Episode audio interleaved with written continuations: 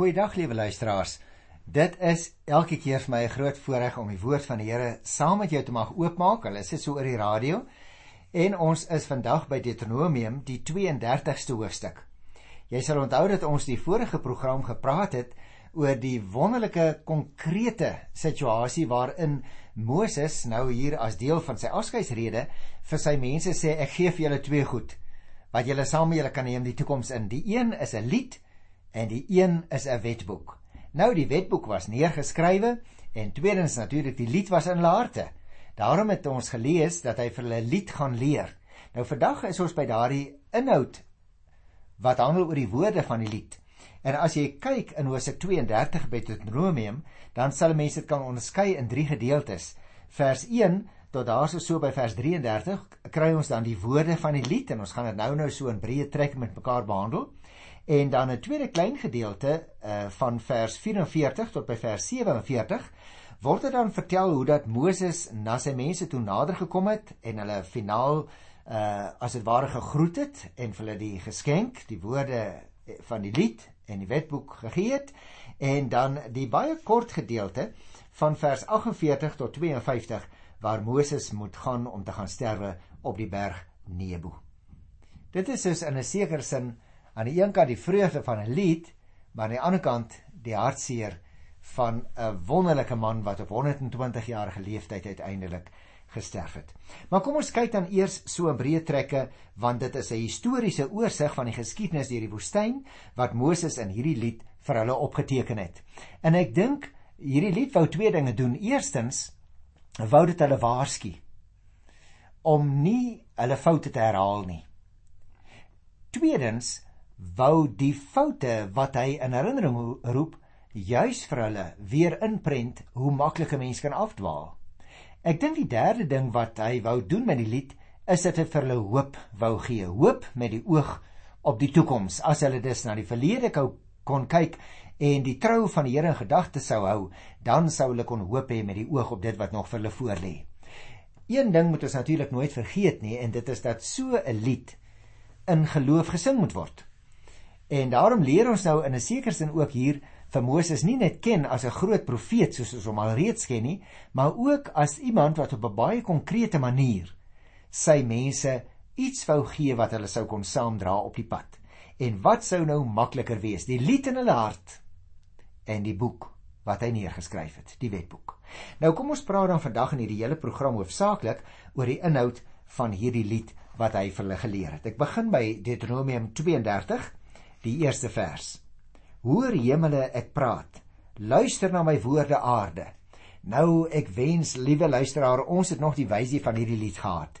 Maar jy moet onthou as ons in die Hebreëse Bybel sou gaan lees, dan kan 'n mens iets van die ritme agterkom want dit is 'n lied, dit is ritmies geskrywe, dit het 'n bepaalde uh, styl, genre wat verskil van doodgewone prosa. So dit is op 'n baie mooi uh ritmiese manier geskrywe, maar natuurlik ons het net die woorde. Die wysie daarvan het vir ons verlore gegaan. Sy lied begin dan ook deur die hemele en die aarde as getuies by te roep. En die hemele en die aarde word as 'n ware opgeroep om te luister. Nou natuurlik ons weet Die hemel en die aarde kan nie luister nie, kan nie hoor nie, hulle het nie ore nie. Maar onthou, ons het met bepaalde styl van taal, naamlik 'n lied hier te maak. Net 'n tweede opmerking hier by die eerste vers. Die hele lied toon juis die tipiese digstyl van die ou tyd waarin gedagtes herhaal word om dit duideliker tuis te bring. Met ander woorde, kyk byvoorbeeld na die woordjie hoor en luister.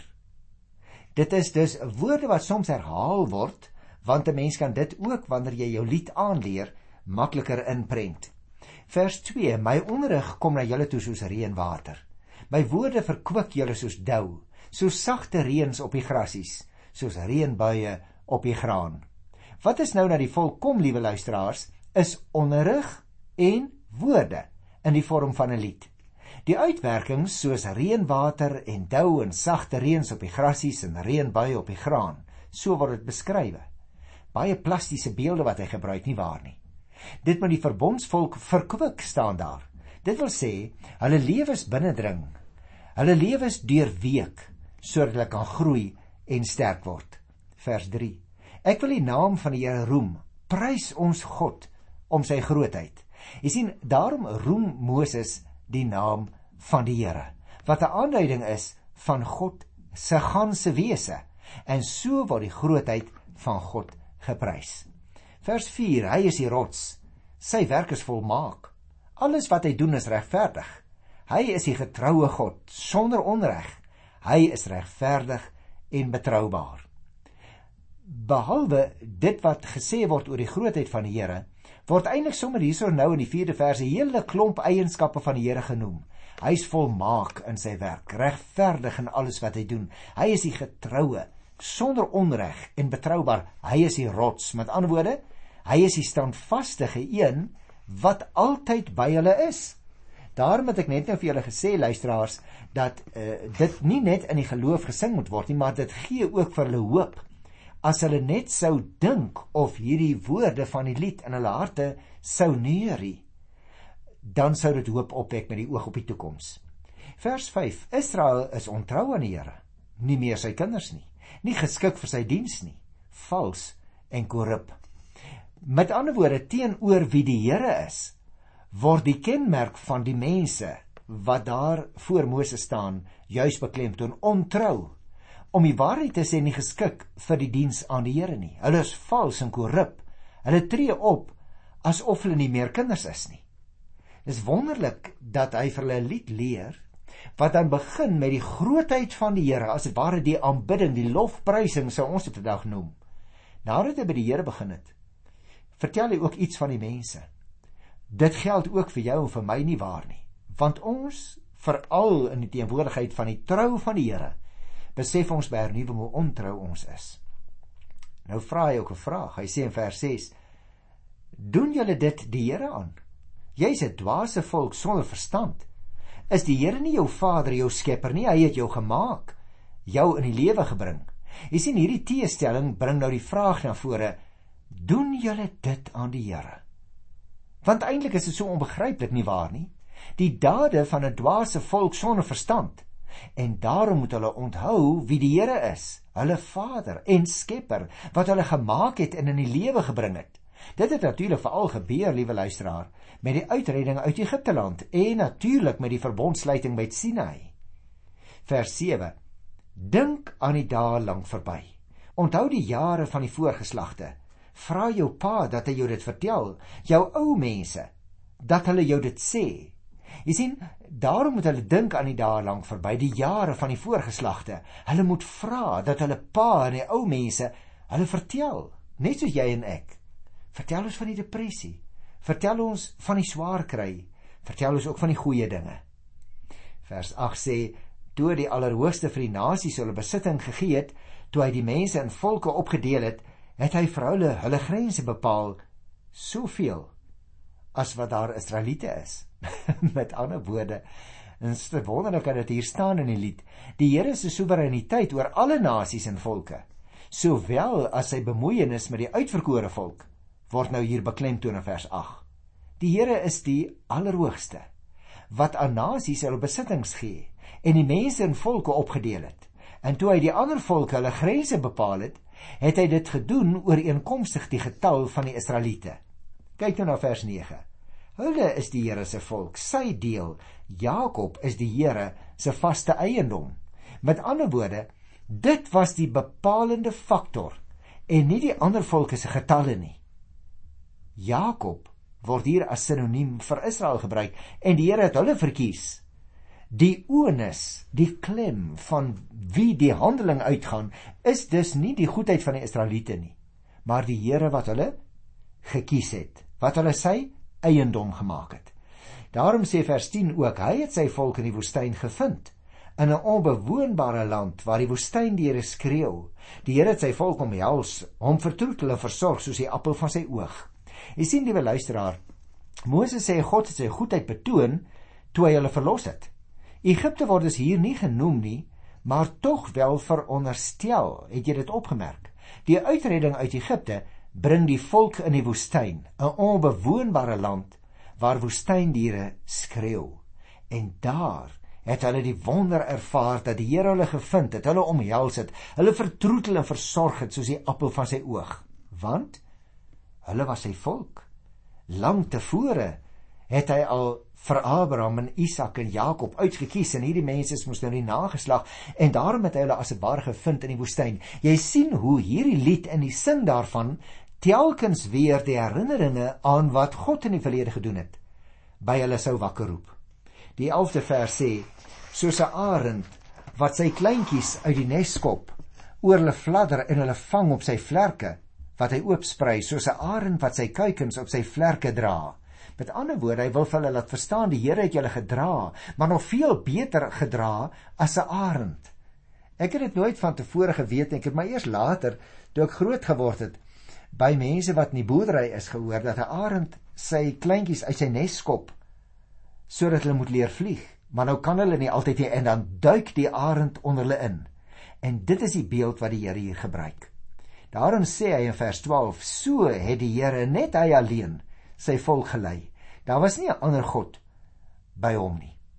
Die Here het sy gevolg gelei met ander woorde, liewe luisteraars, soos 'n herder.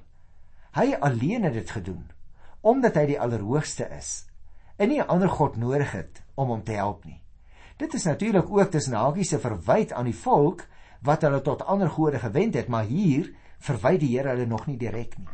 Vers 13 sê: Die Here het sy volk die land te besit laat neem en hom laat eet van die opbrengs van die lande, hom heuning en klipskeure laat geniet, olie uit harde klip. Nou ek wil hier 'n opmerking maak want dis 'n belangrike ding wat hier aangesny word in vers 13 luisteraars. Onthou hierdie mense is op hierdie stadium nog in die woestyn. Moses leer hulle dis 'n lied met die oog op die toekoms. En daarom sê hy in vers 13 die Here het sy volk die land in besit geneem. Die Duitsers sou dit noem in die taalkunde die plusquam perfectum. Dit wil sê hy gebruik die verlede tyd ten opsigte van die toekoms. Daarom het ek ook by die begin vir jou gesê hier word ook geloof veronderstel dat hulle nou al reeds die lied kan begin sing. Maar die inbesitname van die land lê natuurlik nog voor. Hulle het dit nog nie gedoen nie. Die Here sal hulle nie net die land in besit laat neem nie, staan daar. Daardie opbrengs bestaan dan uit ander en word ook alles hier in vers 13 genoem, heuning uit klipskeure waar die baie dikwels heuning gemaak het en olie uit harde klip. Moontlik is dit 'n verwysing na olyfbome wat goed in klipprige grond geaard het. Maar luister nou na die 14de vers. Botter uit die beestrop, melk van die kleinvee, vet lammers, skaapramme en bokramme uit Basan, die beste koring, die wyn wat jy drink kom uit die beste druiwe. Jy sien verder bestaan die land se opbrengs uit botter en melk van hulle eie kudde, vleis en die vetste vee uit Basan. Jy geweet Basan is natuurlik desies beskou as deel van die beste weivelde wat daar in die land was. Dit gaan dus oor die voorspoed van die goeie uh, gebied waar daar veral veeteelt toegepas is. En uh, hulle sal dit alles natuurlik geniet as opbrengs van die land wat hulle in besit gaan neem. Vers 15: Jeshuren het alles in oorvloed gehad. Hy het in opstand gekom. Jy het oorvloed gehad. Jy het dom geword. Jy het jou ooreet. Hy het God wat hom gemaak het verwerp. Hy was vermetel teen die rots wat hom gered het. Nou hier het ons 'n indirekte teenstelling met die goeie dinge en die oorvloed waar Israel nou geteken word in opstand teen die Here. Nou hulle sal dit baie goed verstaan toe die lied vir hulle geleer is, want hoe dikwels het hulle tog nie teen die Here in opstand gekom gedurende die 40 jaar in die woestyn nie. Baie interessant, het jy opgemerk hier in vers 15, Israel word hier Jeshuren genoem. En dit was 'n noemnaam wat blykbaar in verband staan met die term die opregte. nou dat dit ironies gebruik word, blyk vir my uit die feit dat hulle ten spyte van die oorvloed dom geword het en hulle ooreet het, staan daar. Dis dus 'n teenstelling wat gemaak word. Die toppunt van dwaasheid is dus dat hulle die God wat hulle gemaak het, verwerp het en teen die rots wat ook in vers 4 genoem is, waar dit verwys het na die Here wat hulle gered het, teenoor hom het hulle vermetel gehandel. Dit is ook maar soos jy en ek nie waar nie. Ons sien net nie altyd hierdie teenstelling tussen wie die Here is en hoe ons optree duidelik raak nie. Vers 16 en 17.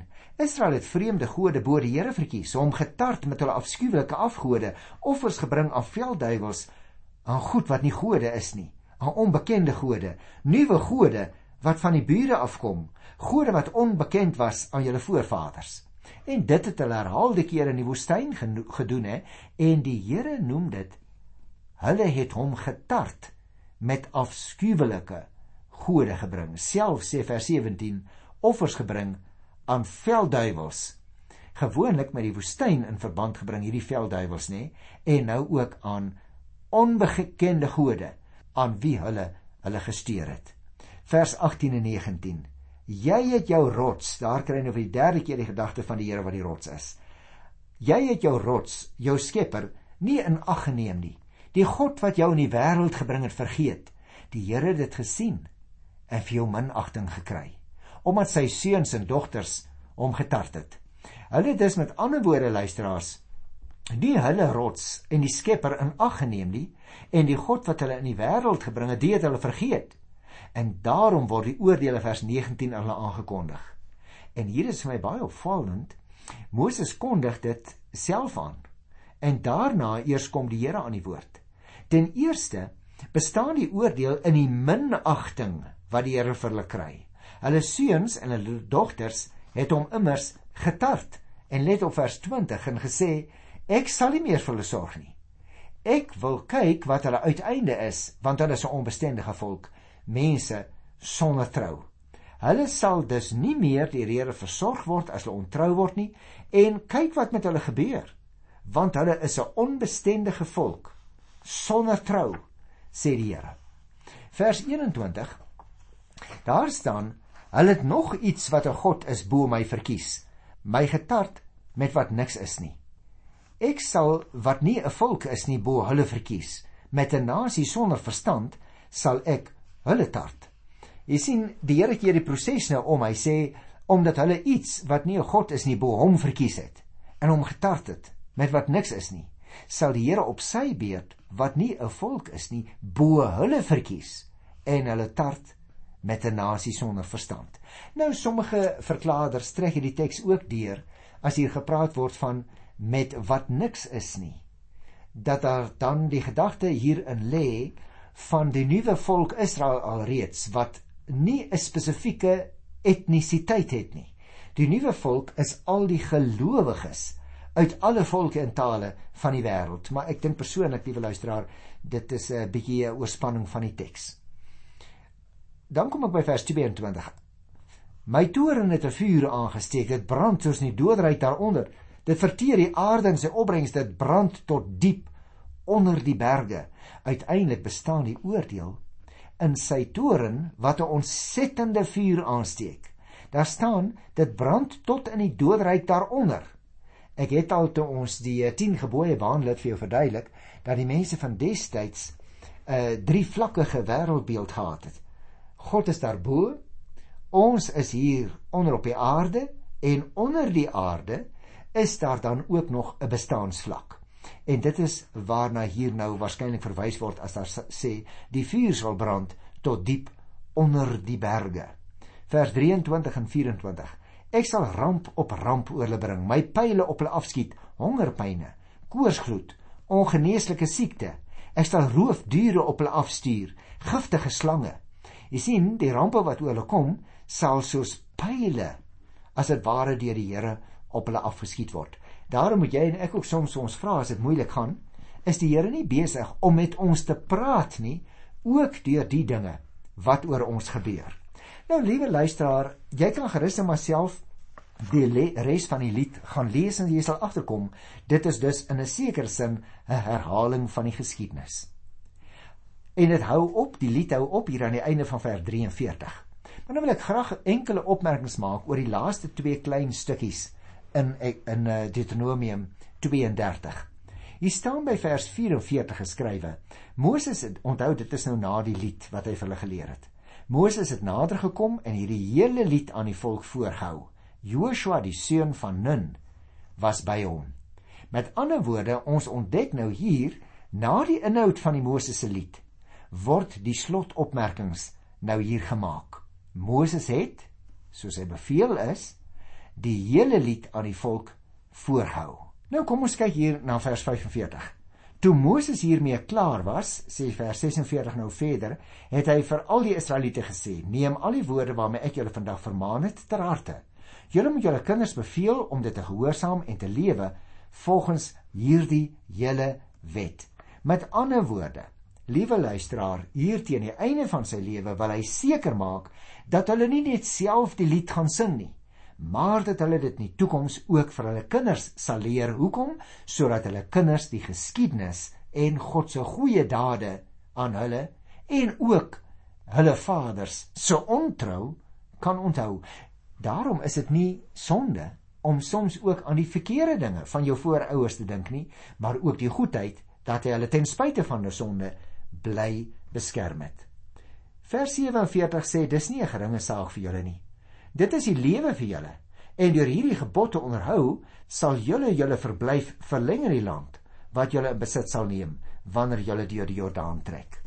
Met ander woorde, as ek uh, hierdie enkele opmerkings kan saamvat van hierdie kort afdelingkie by vers 44 tot 47, dan sou dit wou sê Moses het die volk dus hier baie ernstig gevra om te dink aan die woord van God en dit aan hulle kinders oor te dra by wyse van hierdie lied. Liewe luisteraar, jy en ek moet versigtig wees want die Bybel kan op ons boekrakke staan en dit kan stof vergader. Of ons kan dit 'n onlosmaaklike deel van ons lewens maak elke dag. Daarom praat ons juis in ons program van die Bybel vir vandag. As jy die wysheid wat daar in God se woorde alreeds opgeteken is en as jy dit ontdek, dan sê jy graag op jou eie lewe dit wil toepas en dit ook aan jou familie en met ander mense wil oordra en deel.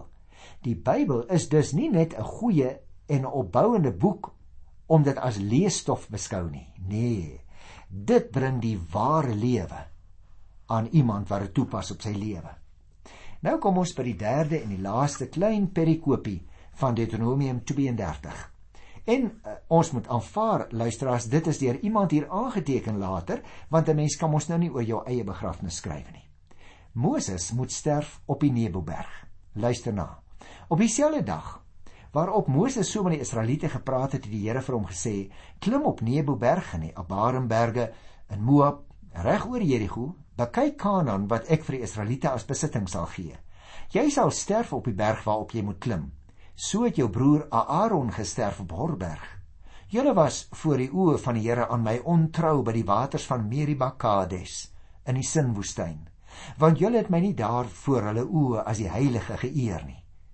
jy sal die land wat ek aan die Israeliete gee reg oor jou sien maar jy sal nie daar ingaan nie en ek dink dit moes seker vir Moses baie hartseer gewees het die Here het van tevore al reeds vir hom gesê dat hy nie die land sal ingaan nie en nou moes hy vir die volk die lied leer om die geskiedenis in te prent ook van sy eie ontrou en nou moet hy die berg opklim op dieselfde dag staan hier vers 8 weer. Dit wil sê net nadat Moses klaar met die Israeliete gepraat het, het hierdie opdrag om op die berg te gaan klim gevolg. Hy moes op die Neboberg klim. Dit was deel van die Abarim gebergte en dit het natuurlik gelê in die gebied Moab wat reg oor Jerigo lê. So as jy op die kaart kyk, Jerigo lê op die linkerkant se boonste hoek van die dooie see. Dit wil sê die noordwestelike hoek van die dooie see en aan die oorkant, aan die regterkant van die ehm um, Jordaanrivier dan van die dooie see ook lê die gebied van Moab. Dit is daar waar Moses nou op 'n berg moes klim. En van daar af kon hy natuurlik nou na Kanaan kyk. Miskien die trane uit sy oë vee dat hy die beloofde land uit die verte kan aanskou. Maar op die berg sou hy sterf net soos wat Aaron op Horberg gesterf het. Jy kan gerus weer gaan weer gaan lees in Numeri by die 20ste hoofstuk van vers 22 af dan sal jy die uh, verhaal daar kry van Aaron se sterwe wat dan ook later in die geskiedenis natuurlik eers sou plaasvind. En hierdie straf het die 51ste vers gesê is die gevolg wat by Meriba Kades gebeur het. Numeri 20. Hulle was voor die oë van die Israeliete ontrou aan die Here en hulle die Here nie geëer as die heilige nie en daarom kon Moses en Aaron nie ingaan in die beloofde land nie.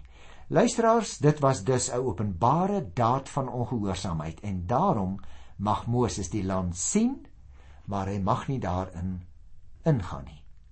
Op hierdie punt groet ek dan vir jou vir ons laaste program volgende keer soos die Here wil. Tot dan. Totsiens.